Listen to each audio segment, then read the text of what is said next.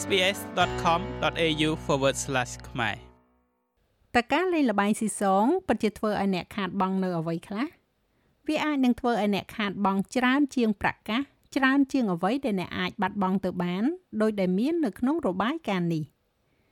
លបែងស៊ីសងប៉ះពាល់ដល់មនុស្សគ្រប់រូបនៅក្នុងរូបភាពខុសៗគ្នា សម្រាប់អ្នកខ្លះវាប៉ះពាល់ដល់ផ្នែកហិរញ្ញវត្ថុរបស់ពួកគេប៉ុន្តែសម្រាប់អ្នកខ្លះទៀតវាច្រើនជាងប្រកាស វិជ្ជបណ្ឌិត Christopher Hunt អ្នកឯកទេសផ្នែកចិត្តសាស្ត្រគ្រប់គ្រងជាន់ខ្ពស់របស់ Gamble Aware Central Sydney មានប្រសាសន៍ថាមនុស្សជាច្រើន គួរតែគិតគូរអំពីការខាតបង់ទាំងអស់នៃលបែងស៊ីសង We want people to take a step back and look at the យើងចង់ឲ្យមនុស្សម្នាថយមួយជំហាន ហើយក៏លេចមើលនៅរូបភាពដ៏ធំជុំវិញការលេងល្បែងស៊ីសងរបស់ពួកគេ ហើយគិតអំពីអ្វីដែលវាធ្វើឲ្យពួកគេខាតបង់ មិនត្រឹមតែតកតងទៅនឹងផលប៉ះពាល់ផ្នែកហិរញ្ញវត្ថុប៉ុណ្ណោះទេប៉ុន្តែថែមទាំងតកតងទៅនឹងសុខភាពផ្លូវចិត្តនិងផ្លូវកាយផលប៉ះពាល់ទៅលើការងាររបស់ពួកគេផងដែរហើយថាតើវាបង្កនៅភាពតានតឹងនៅផ្ទះដែរឬអត់បញ្ហាលេងលបែងស៊ីសង គឺជាបញ្ហាគោលនយោបាយសាធារណៈដ៏សំខាន់មួយនៅក្នុងប្រទេសអូស្ត្រាលី ដែលប៉ះពាល់ដល់សុខភាពនិងសុខុមាលភាពរបស់បុគ្គលនិងក្រុមគ្រួសារជាច្រើន។ ប្រជាជនអូស្ត្រាលីខាតបង់ប្រហែលជា25,000លានដុល្លារទៅលើការលេងល្បែងស៊ីសងជារៀងរាល់ឆ្នាំដែលជាការខាតបង់ដ៏ធំបំផុតនៅលើពិភពលោកបើគិតទៅលើមនុស្សម្នាក់ម្នាក់ការស្ទង់មតិដោយមជ្ឈមណ្ឌលស្រាវជ្រាវការលេងល្បែងស៊ីសងរបស់អូស្ត្រាលីបានរកឃើញថា73%នៃមនុស្សពេញវ័យអូស្ត្រាលី បានចំណាយប្រាក់កាសទៅលើការលេងល្បែងស៊ីសងយ៉ាងហោចណាស់ម្ដងក្នុងរយៈពេល12ខែចុងក្រោយ គិតត្រឹមខែមីនា ហើយ38%បានលេងល្បែងយ៉ាងហោចណាស់ប្រចាំសប្តាហ៍ការស្ទង់មតិនេះក៏បានបង្ហាញផងដែរថាក្នុងចំណោមអ្នកដែលបានលេងល្បែងស៊ីសងស្ទើរតែពាក់កណ្ដាលគឺប្រមាណជា46%ត្រូវបានចាត់ថ្នាក់ថាមានហានិភ័យនៃគ្រោះថ្នាក់នៃល្បែងស៊ីសងអ្នកផ្ដល់ប្រឹក្សានៅ Gamble Aware គឺលោកស្រី Alice Russell មានប្រសាសន៍ថា ផលប៉ះពាល់ផ្នែកហិរញ្ញវត្ថុនៃការលេងល្បែងគឺអាចធ្ងន់ធ្ងរខ្លាំង They have a huge impact on people's lives វាមានឥទ្ធិពលយ៉ាងខ្លាំងទៅលើជីវិតរបស់មនុស្សដែលអាចនាំឲ្យពួកគេបាត់បង់ផ្ទះសម្បែងដោយសារតែពួកគេផ្ដល់អត្ថិភាពទៅលើការបង់ថ្លៃលបែងជាជាងថ្លៃឈ្នួលផ្ទះឬក៏ថ្លៃទឹកថ្លៃភ្លើងរបស់ពួកគេ វាប្រែប្រួលខ្លាំងពីមនុស្សម្នាក់ទៅមនុស្សម្នាក់ទៀតហើយជារឿយៗវាវិវត្តដោយយឺតយឺត រហូតដល់មនុស្សមើលឃើញថាពួកគេកំពុងតែចំណាយលុយទៅលើលបែងស៊ីសង នៅពេលដែលពួកគេលងខ្លួនកាន់តែជ្រៅទៅជ្រៅទៅហើយនោះខ្ញុំសូមបញ្ជាក់ថានេះមិនមែនគ្រប់គ្នានោះទេប៉ុន្តែនៅពេលដែលពួកគេផុងខ្លួនកាន់តែជ្រៅ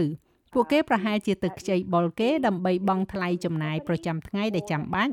បន្ទាប់មកពួកគេនឹងចាប់ផ្ដើមធ្វើប្រហែសទៅលើការបង់ថ្លៃជួលផ្ទះឬក៏ថ្លៃទឹកថ្លៃភ្លើងរបស់ពួកគេ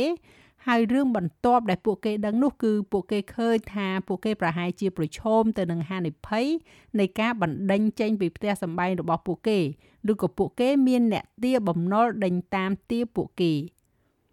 ហើយលោកវិជ្ជបណ្ឌិត Hunt មានប្រសាសន៍ថាអ្នកលេងលបែងស៊ីសង គឺមានហានិភ័យច្រើនលើសពីភាពតានតឹងខាងផ្នែកហិរញ្ញវត្ថុ។ Obviously gambling can have a devastating financial impact on ជាក់ស្ដែងការលេងល្បែងស៊ីសងអាចជះឥទ្ធិពលដល់ផ្នែកហិរញ្ញវត្ថុយ៉ាងធ្ងន់ធ្ងររបស់បុគ្គលម្នាក់ម្នាក់ប៉ុន្តែលើពីនេះទៅទៀតវាក៏អាចជះឥទ្ធិពលដល់ពួកគេតាមវិធីផ្សេងផ្សេងទៀតផងដែរ ដូច្នេះគេអាចនឹងមានការរំខានប៉ះពាល់ដល់ការងារឬក៏ការសិក្សារបស់ពួកគេធ្លាក់ចុះខ្សោយដោយសារតែពួកគេចំណាយពេលវេលានិងថវិកាទៅលើលបែងស៊ីសងវាអាចបណ្ដាលឲ្យមានភាពតានតឹងជាមួយនឹងមនុស្សជាទីស្រឡាញ់របស់ពួកគេសមាជិកក្រុមគ្រួសាររបស់ពួកគេដៃគូរបស់ពួកគេ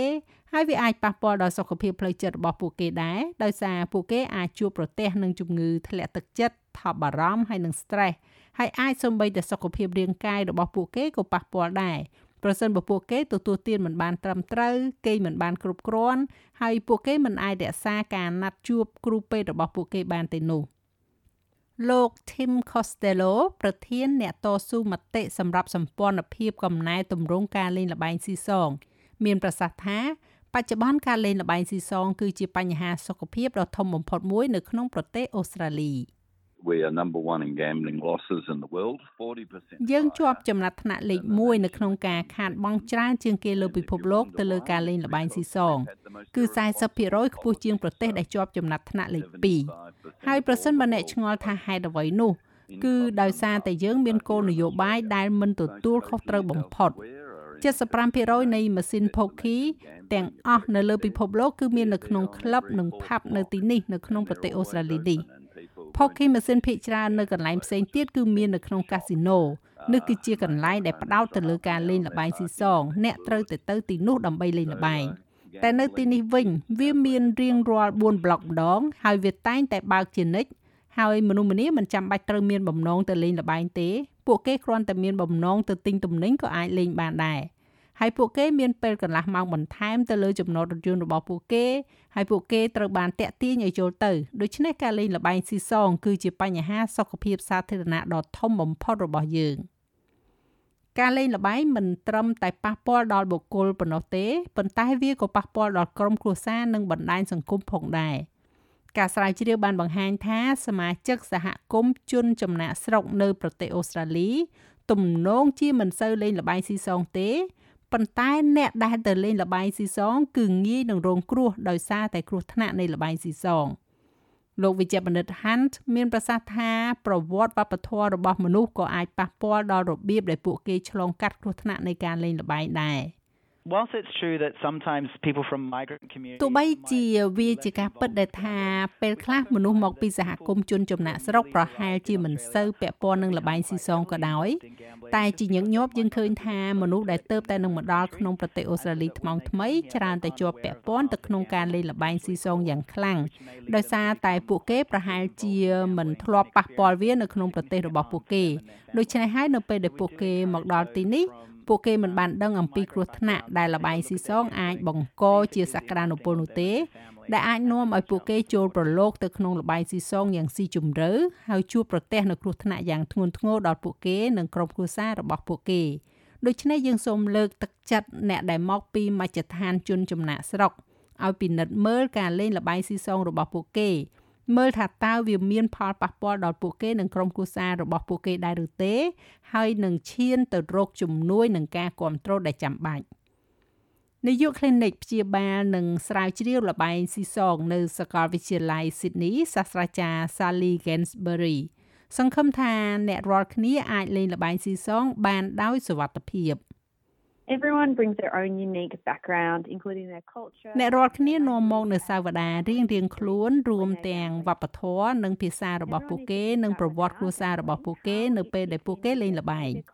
អ្នករាល់គ្នាត្រូវគិតគូរអំពីពេលដែលគេលេងល្បែងស៊ីសងតើវាស៊ីនឹងវប្បធម៌របស់ពួកគេតាមរបៀបណានិងផលប៉ះពាល់នៃការលេងល្បែងថាតើវាអាចទ្រាំទ្របានទេ ពេលវេលាដែលចំណាយទៅ ប្រភេទនៃសកម្មភាពដែលពួកគេកំពុងធ្វើនិងទំនាក់ទំនងដែលពួកគេកំពុងមានយើងពិតជាលើកទឹកចិត្តអ្នកគ្រប់គ្នាឲ្យមានទំនាក់ទំនងដែលមានសុខភាពល្អជាមួយនឹងការលេងល្បែងស៊ីសង ដែលមានន័យថាការធានាថាអ្នកមានពេលវេលាគ្រប់គ្រាន់និងប្រកាសគ្រប់គ្រាន់ដើម្បីថែរក្សាទស្សនវិជ្ជាផ្សេងផ្សេងទៀតនៃជីវិតរបស់អ្នកការលេងល្បែងគឺគ្រាន់តែជាផ្នែកមួយនៃសកម្មភាពកំសាន្តនិងការកែអបសុខដែលមានសុខភាពល្អប៉ុណ្ណោះវាពិតជាមានសារៈសំខាន់ណាស់ដែលមនុស្សគ្រប់គ្នាត្រូវលេងល្បែងដោយធានាបានថាពួកគេអាចរក្សាបាននៅរាល់កិច្ចការសំខាន់សំខាន់ផ្សេងទៀតនៅក្នុងជីវិតរបស់ពួកគេ ចាស់ហើយរបាយការណ៍នេះចងក្រងឡើងដោយ Omo Bello សម្រាប់ SBS News និងប្រែសម្រួលសម្រាប់ការផ្សាយរបស់ SBS ខ្មែរដោយនាងខ្ញុំហៃសុផារ៉ានីចុច like share comment និង follow SBS ខ្មែរនៅលើ Facebook